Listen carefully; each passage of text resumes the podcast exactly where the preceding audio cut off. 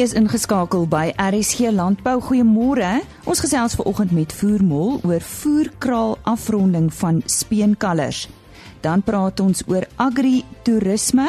Dr Michael Bradfield vertel so 'n bietjie meer oor die Wagyu beesras en die Gamtoos Vallei in die Oos-Kaap. Sukkel onder die droogte en ons gesels oor die stand van sake.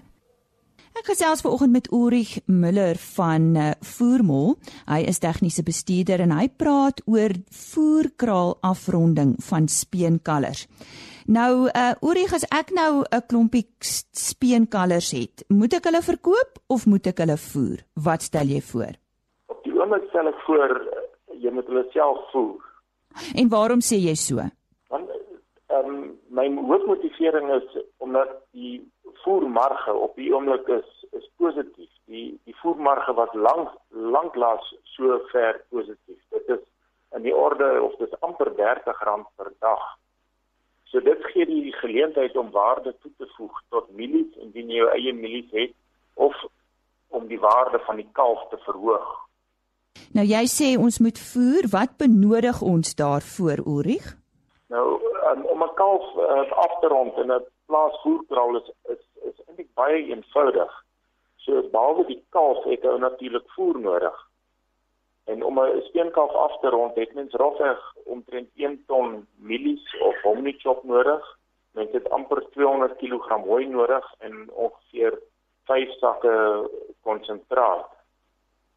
Nou die ideale beginmassa van 'n speenkalf is in die orde van 220 kg. En die kalf word dan gevoer tot 440 kg oor 'n periode van ongeveer 120 dae. Verder is dit belangrik dat die kalf geënt word en ook 'n oorimplantaat kry wat die produktiwiteit verder verhoog. Watse aanbeveling het jy as dit kom by die gebruik van Zomax? In die huidige pryse kan die gebruik van Zomax of 'n beta-agonis die winsgewendheid baie verhoog. Ehm um, hierdie beta-agonis Wilmax of daar's nog een op die mark, Salbutamide. Ehm um, stel die voer die voerkraal in staat om kalvers swaarder te voer en om hulle langer te voer oor 'n langer periode. En dit verhoog die wins omdat die voermarge so positief is.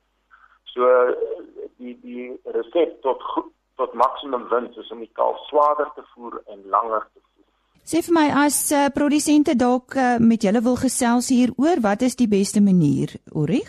Ehm um, man ek sal navraag verwelkom. Uh, produsente kan ons kontak op ons webblad voermal.co.za of uh, kan my direk skakel um, by 083 414 5928. Herhaal net vir ons daai nommer. 083 414 5928. Sê baie dankie aan Ulrich Muller. Hy is 'n tegniese bestuurder by Voermol en hy het met ons oor ons speenkalvers gesels. Agritourisme is 'n groeiende bedryf en talle landbouers en ander belangstellendes brei deesdae hulle boerdery besighede uit om ook hierdie interessante vertakking in te sluit. Maar wat behels dit werklik? Ek gesels nou met Judy Groenewald. Sy is by Agritourisme Suid-Afrika betrokke en sy vertel vir ons vanoggend so 'n bietjie meer hiervan. Judy, ja, kom ons begin sommer daar by die begin. Vertel ons net eers wie en wat is Agritourisme Suid-Afrika? Dankie Lise.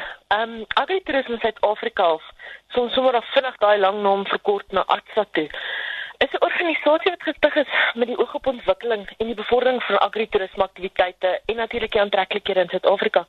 Weet ons is die kontakpunt tussen uh, agritourisme boere en dan al die relevante rolspelers soos toerismeorganisasies en regeringsinstansies en internasionale toerismeagentskappe. Ehm um, en behalwe die bevordering natuurlik dan van toerisme na Suid-Afrika toe en plaaslike en internasionale toerisme werk ons dan so ook na die groter prentjie uh van breër ekonomiese ontwikkeling en voedselsekuriteit. Hmm. So presies wat is agritourisme dan? In 'n netedop is agritourisme enige toerisme aktiwiteit wat op 'n werkende plaas uh plaasvind. So baie plase nou, nê.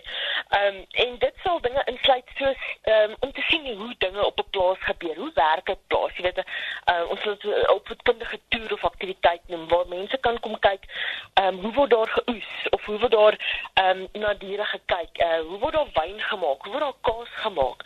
Uh so dit is dit is die die een duidelike faset daarvan, maar ook agritourisme uh sluit ook die gebruik van plaashulpbronne in vir aktiwiteite vir toeriste. Soos byvoorbeeld bergfietsry of vuur by vuur of stap of voelkyk of jag. Um en natuurlik ook moet ons glad nie vergeet van die produkte wat plase produseer nie, nê. Nee. Baie baie mense gaan om 'n bottel wyn te koop. 'n Deel van die proses is dan kyk hulle hoe word die wyn gebottel en uh baie boere besef nie eers dat hulle agritourisme aktiwiteite aanbied vir vir mense wat plaas toe kom nie. Hmm. Uh, as daar nou reeds soveel boere is wat by agritourisme betrokke is, waarom is 'n liggaam soos julle dan nodig? Dink die beste manier om Atsa te beskryf is 'n tipe van 'n eenstop vir agritourisme behoefte. Kyk ons eerste prioriteit is om na ons lede te kyk en dit behels om hulle die kennis en advies te gee wat hulle nodig het om agritourisme aktiwiteite en aantreklikhede te begin te ontwikkel en te bedryf. So, weet ons is 'n span van deskundiges wat al jare lank in die industrie is en ons kom uit verskeie sektore van die industrie. Jy weet ons het ouens wat plaas en en landbou kenners is wat betrokke is. Ons het kwaliteitsouens, mense wat vir jare lank by kwaliteitbeheer en toerisme betrokke was, projekbestuur, besigheidsontwikkeling, bemarking, sosiale media bemarking. So, al daai kundigheid word dan aan uh, boere aangebied deur een organisasie wat natuurlik dan ATSA is. So, eerstens is ons daar om boere te help om hierdie aantreklikhede te ontwikkel en tweedens dan ons ander belangrike rol is ons is bemarkers vir ons boere en ons ons toerismeprodukte. So, ons het ons eie webtuiste waarop ons lede geadverteer word, ehm um, agritourism uh, agritourismsouthafrica.com, maar ook weet ons help boere om hulle eie sosiale media en bemarkingsstrategieë te ontwikkel en ons wys hulle dan hoe om daardie platforms tot die beste van van hulle vermoëns uh, te gebruik. En ehm um, ons ons maak dan ook kontak met toerisme assosiasies waar ons ons boere in, in hulle produkte, hulle toerismeprodukte dan bevorder en dit sluit in plaaslike assosiasies en organisasies as ook internasionale organisasies sodat ons soveel toeriste as moontlik ehm um, kan uh, betrek en bewus maak van agritourisme in Suid-Afrika. Hmm. En laastens weet ons ons is die skakelpunt met ontwikkelingsagentskappe en met die regering. So ons kyk hoe ons agritourisme op op die voorgrond kan sit wanneer kom by ons regering se beplanning en en dan ook ander assosiasies wat relevant is asook landbouassosiasies. Jy weet ons doen baie werk met met landbouassosiasies om hulle te help om om boere se ekonomiese produkte uit te brei. En dan laastens ons is ook betrokke by uh opleiding um, wat ons uh, geakkrediteerde en nie geakkrediteerde opleiding aanbied vir boere spesifiek met betrekking tot toerisme waar hulle dan hulle plaaswerkers in die omliggende omgewing uh, ook kan betrek om hulle uh, produkte ontwikkel en dan daardie opleiding te gee wat natuurlik baie baie punte tel wat BEE betref nê. Nee. Mm, mm. So wat maak as ons nou praat van 'n toerist wat nou kom om om om hierdie plekke te besoek, wat maak 'n agri, agritourisme bestemming anders as 'n gewone vakansiebestemming? Kyk, die laaste paar jaar het ons 'n toenemende groei in agritourisme wêreldwyd gesien. En die rede daarvoor is, is omdat mense iets anders te soek die gewone. Kyk, ek weet ek dink baie mense het al gehoor van die Toskaanse kostoere in Italië, waar die mense so gaan van plaas tot plaas. Hulle eet basies hulle hulle pad deur deur die Toskaanse platteland. En die rede hoekom hierdie so populêr is en so suksesvol is, is dis nie net die eenvoudige ek gaan daartoe om te eet nie. Ehm um, daar's soveel aktiwiteite wat plaasvind op 'n plaas. Dis nie net 'n net 'n een stroom ehm um, op nie. Jy weet, een van ons eerste ehm um, as ek nou maar in Engels kan sê slogans was never bored on the farm. Jy's nooit verveeld op die plaas nie. So as jy gaan vir 'n opvoedkundige toer, dan dan is dit fantasties. Dit op sigself is 'n wonderlike aktiwiteit wat jy leer waar kom die kos vandaan en hoe word dit voorberei en hoe word daar gekyk na die plase, na die diere en na die plaaswerkers en al daai tipe dinge. Maar ook ehm um, jy weet dit is 'n uh, dit is 'n aantreklikheid wat baie mense ehm um, intrek. Jy weet gesinne gaan, veral kinders. Kinders is mal oor om plase te gaan. So dis 'n groeiende gesins uh, aantreklikheid wat wat uh, kinders buite kry wat hulle wys waar kom kos vandaan en natuurlik ook dis 'n ding wat paartjies kan doen getroud of verloof of net saam dit is ding wat vriende kan doen dis ding wat enkelopende mense kan doen en dan en en boven die die opvoedkundige waarde daarvan het ek soos wat ek vroeër gesê het is daar ook baie ander hulpbronne wat die boer kan benut vir toerisme um, wat alreeds daar is ek meen hoeveel van ons plase is in die mooiste dele van Suid-Afrika waar jy net kan rustig raak en kan sit op die stoep met 'n koppie koffie en uitkyk oor die landerye of oor die veld en net weer mens word, jy weet. Judy, uh hoekom sal 'n boer nou juis belangstel in agritourisme? Wa watter voordele hou dit in vir en vir ook vir die boerdery gemeenskap? Goed, Lisa, kom ek hou dit kort en kragtig.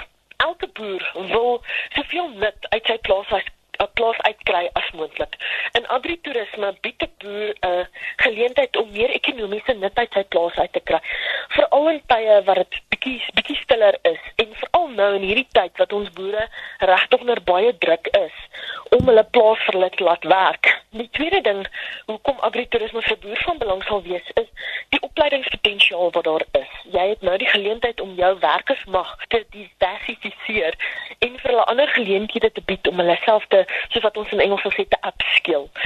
Dan ook toerisme is 'n baie belangrike, nou gaan ek nog 'n Engelse term gebruik, 'n multiplier. Met ander woorde, toerisme aktiwiteite is hoogs afhanklik van die omgewing rondom hulle vir arbeid en vir hulpbronne. En veroorsaak dan 'n tipe van 'n ripple effek wat dan uitbrei in die breër gemeenskap en dan natuurlik op op die eindpunt 'n nasionale en internasionale ekonomiese impak hê. Ehm um, so dit is een van daai industrieë wat nie altyd 'n hoë inset vereis nie. En let wel ek sê nie altyd 'n hoë inset vereis nie, maar wat groot dividende vir die boer en vir die omliggende gemeenskap kan genereer. Is daar in hierdie bedryf ook dinge soos graderings? Ek weet hoe hoe weet 'n besoeker nou byvoorbeeld dat hy die beste ware vir sy geld gaan kry? Ja, op hierdie stadium het ons 'n graderingsstelsel vir ons lede ehm um, wat ons hulle uh, aantreklikhede en bestemmings evalueer en 'n gradering dan aan hulle toeken vir die aantreklikheid, nie vir die akkommodasie nie. Akkommodasie word op hierdie stadium gegradeer deur die toerisme graderings uh, raad van Suid-Afrika. So dit is 'n heeltemal ander storie, maar 'n agritourisme Suid-Afrika lid word geëvalueer deur Agritourisme Suid-Afrika. Ons besoek hulle, ons evalueer hulle fasiliteite en ons gee vir hulle winpompie 1 tot 5, 5 die beste en 'n redelike basiese ehm um, aanbieding. So ehm um, besoekers, toeriste, boere is meer as welkom om te gaan kyk op ons uh, webtuiste waar ons 'n mooi uiteenlegging gee daarvan. En natuurlik hoop ons soos wat ons aangaan hierdie jaar dat wanneer jy langs die pad ry of wanneer jy hulle gaan soek, dan gaan jy daai windpompies kan sien waar ons vir hulle toekenning gee vir hulle kwaliteit. Judy, goed, as ons nou belangstel, waar kan ons aanklop vir meer inligting? Lise, ehm um, julle is meer as welkom om te gaan kyk na ons webtuiste. Dis 'n uh, www.agritourismsouthafrica.com wat 'n volledige lys van ons lede het wat die verskeidenheid aktiwiteite wat beskikbaar is en met wie ons geaffilieer is en saamwerk vir vir die publiek um, op tentoonstel. Dan is jy ook natuurlik welkom om my direk te kontak. My e-posadres is judy met 'n i, kolletjie @agritourismsouthafrica.com. Jy is ook meer as welkom om ons stigterslid Jackie Taylor uh op direk te kontak. Haar e-posadres is jackie@agritourismsouthafrica.com. Nou sê baie dankie aan Judy Groenewald.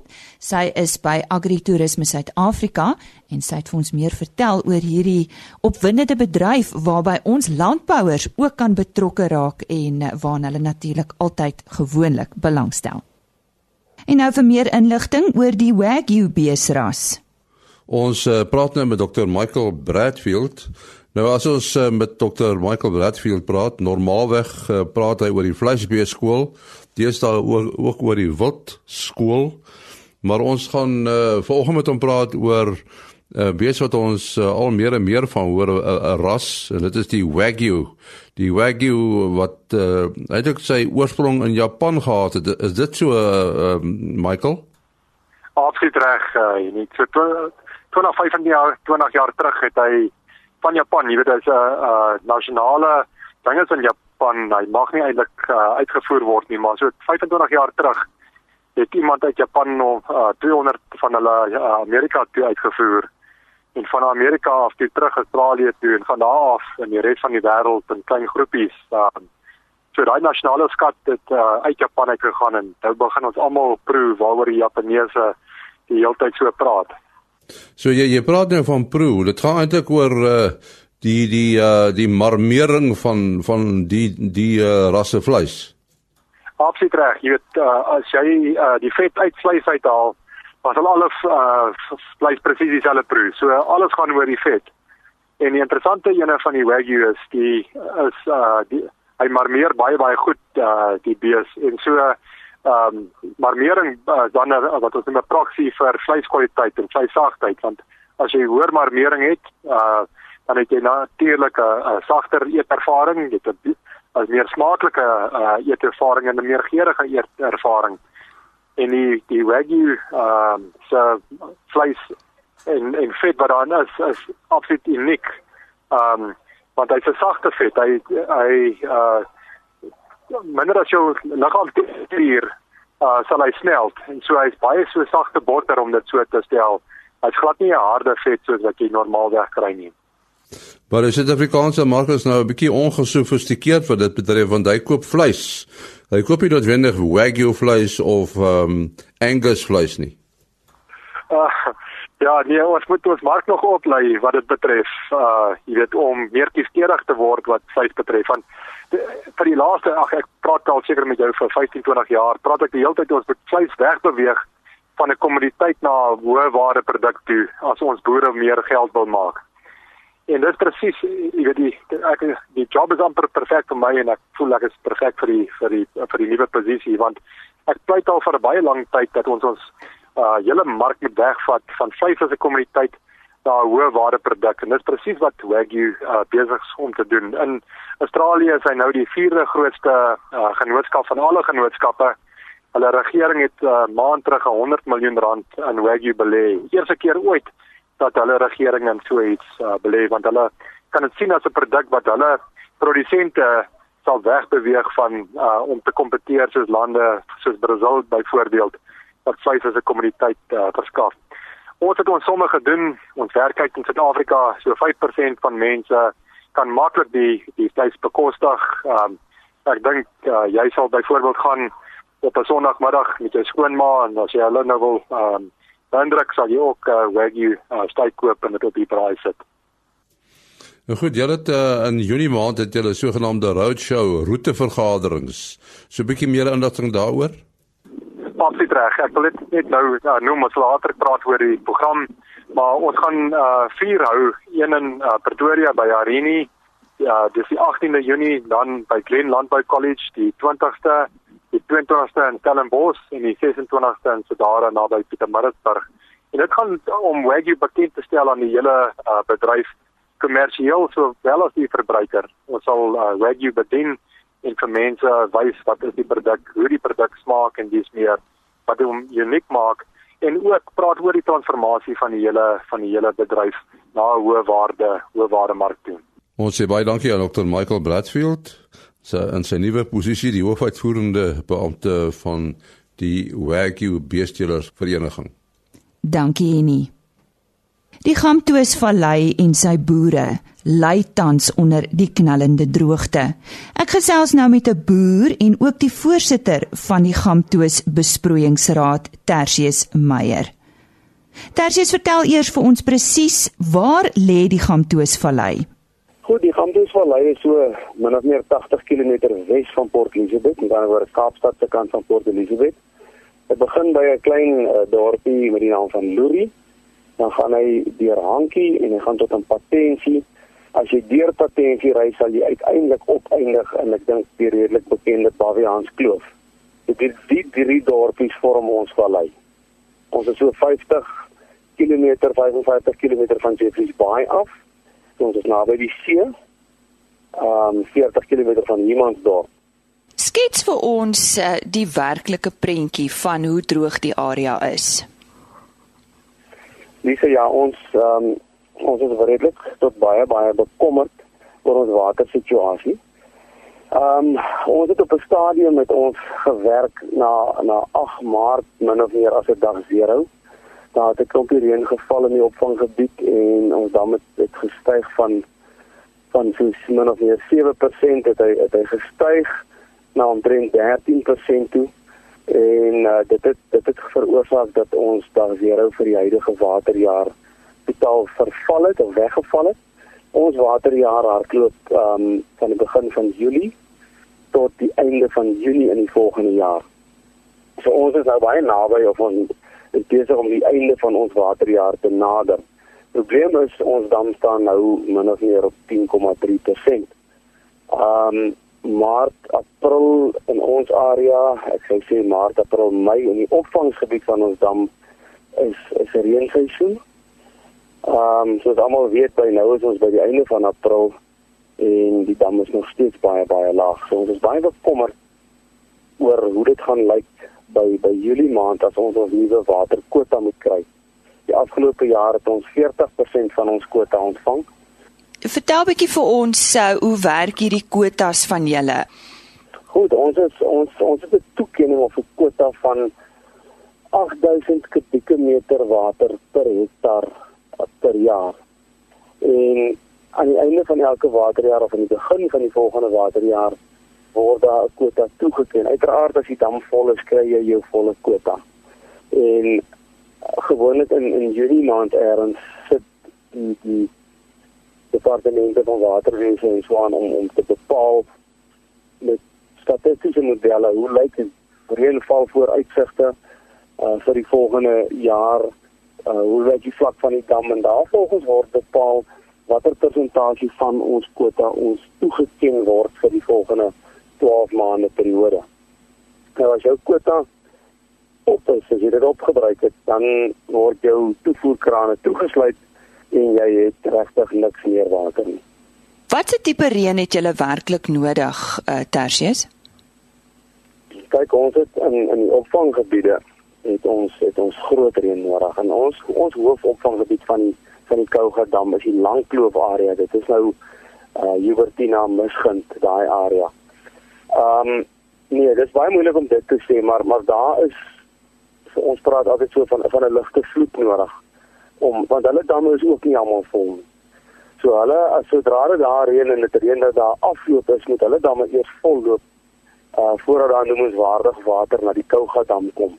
So uh, duimsuig, uh, jy weet ek sê het, het hulle so 120 mm reën nodig uh oor 'n kort tydperk met 'n opvolg van nog van nog soveel uh binne 2 of 3 weke later dan sal dit noemenswaardige verskil maak in ons situasie. Verduidelik bietjie vir ons watter gewasse word hoofsaaklik in in die areas uh, geproduseer en miskien uh, ja waar die waar die grootste probleme lê. In ons area is daar baie baie sitrus wat soos soos die luisteraars natuurlik sou weet is 'n langtermyn gewas. So dit is nogal belangrik dat jy hom kan genoegsaam water gee anders kry jy langtermyn skade. Dan is daar jou wat konstant gewasse wat wat verbou word uh vroeër jare was hier wat tabak, is baie minder tabak, maar jy wat uh aardappels en ander groente gewasse en slaai en dis mense wat met arbeid en spinasie boer. So die kaalgronde op hierdie stadium lê grootendeels leeg. Um omdat die mense nie genoeg water het om dit te besproei nie. Ons gebruik elke druppel wat ons kan om ons sitrusoes te probeer red uh of te probeer deurkry. Dit lyk eintlik heel goed nou. Ehm uh, maar dat ons nie daar skade kry dat ons bome nie skade kry nie. Wat is julle beroep op hierdie stadium Tersius vanaf die besproeiingsraad? Kyk ons ons doen alles in ons vermoë om om regtig goed met ons water te werk en en geen water te mors nie. Die besproeiingsraad is seker die besproeiingsraad in die land met die met die laagste waterverliese. Ons beroep is regtig dat dat die stede ehm um, en die dorpe wat uit wat van ons bron af ook water kry, hulle waterverliese en lekkasies sal aanspreek. Want dit is 'n totale vermorsing wat daar plaasvind sodat ons so min as moontlik water uit die dam uit ehm um, nodig het om te onttrek. Uh, dit is die een ding en, en verder is dit is dit absoluut ehm um, is dit 'n gebedssaak wat ons regtig reën nodig. Dis 'n ander ding wat wat regtig baie kommerwekkend is is dat uh, myns en sins word die dorpe en die stede se beperkings wanneer dit afvanne dit afgekondig word tot dit ingestel word vat partymal 6 tot 8 maande. En ons het regtig nodig dat dat daai proses vinniger toegepas word en dat dit dat dit meer effektief toegepas word. Ek sê altyd dat die ou in die dorp kry 'n verhoogde rekening as hy meer as 'n sekere hoeveelheid water gebruik, so dit is eintlik 'n goeie bron van inkomste dink ek vir die munisipaliteite terwyl ons as landbouers ons krane word toegesluit. Daar is nie nog water nie. Dit was aan die stem van Tertius Meyer. Hy is 'n boer en ook voorsitter van die Gamtoos Besproeiingsraad en hy het ons vertel van die knallende droogte wat landbou getref het daar in die Gamtoos Vallei en ook 'n beroep gedoen op waterverbruikers om spaarsamig te wees. Ons gesels nou met uh, Philip Dreyer oor 'n veiling wat op die 4de Mei plaasvind ewenwyd Bonsmaras. Uh, uh Philip vertel vir ons uh, wat is die aanbod presies? En nee, ons het 60 pragtige Bonsmara bulle op aanbod en dan 'n 100 dragtige verse. Dis 2014 en 15s. Sommige van die diere is nou hulle tweede kalvers.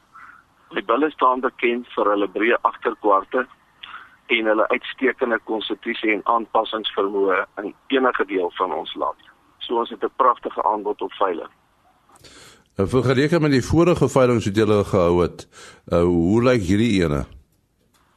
En nie, ons het baie gevorder met die jare saam en hierdie wat bulle betref is hierdie definitief die beste aanbod wat ons tot sover nog kan kan uh, op op die tafel sit en hier is werklik waar bulle ehm um, met uitstaande gehalte, dik agterkwarte, bulle met baie goeie konstitusie en ek dink jy, jy weet hier's bulle vir heelwat bulle vir stoetteelers wat wat uh, in die mark is dalk vir stoetbulle. En goed, uh, waar vind die veiling presies plaas en hoe laat? En nie, die veiling vind plaas die 4 Mei op by plaas Evenwyd 5 km by buite Nebel op die Vredepad en die veiling begin om 11:00 die oggend. En kan jy miskien net 'n telefoonnommer gee? Op my telefoonnommer is 072 444 7135 en enige mense wat navraag het of ehm um, bietjie meer inligting wil hê kan my enige tyd bel. Baie dankie aan Philip Dreyer. Dit weer sy telefoonnommer 0724447135. Die veiling, eh, die evenwyd uh, Bonsmara veiling op die 4de Mei. Vir ons groet net 'n brokkie landbou nuus. JP van 'n berg, 'n aartappelboer van die Tosca vergeleë distrik, is onlangs aangewys as Agri Noordwes se jongboer van die jaar en RSG Landbou sal natuurlik so 'n bietjie later in die maand met hom gesels. JP boer vir die afgelope 9 jaar op die plaas Battemeer met onder andere saadaartappels, kommersiële veldbeeste en wild. Hy dring nou deur na die nasionale kompetisie later vanjaar wanneer die Toyota Agri SA jongboer van die jaar aangewys sal word.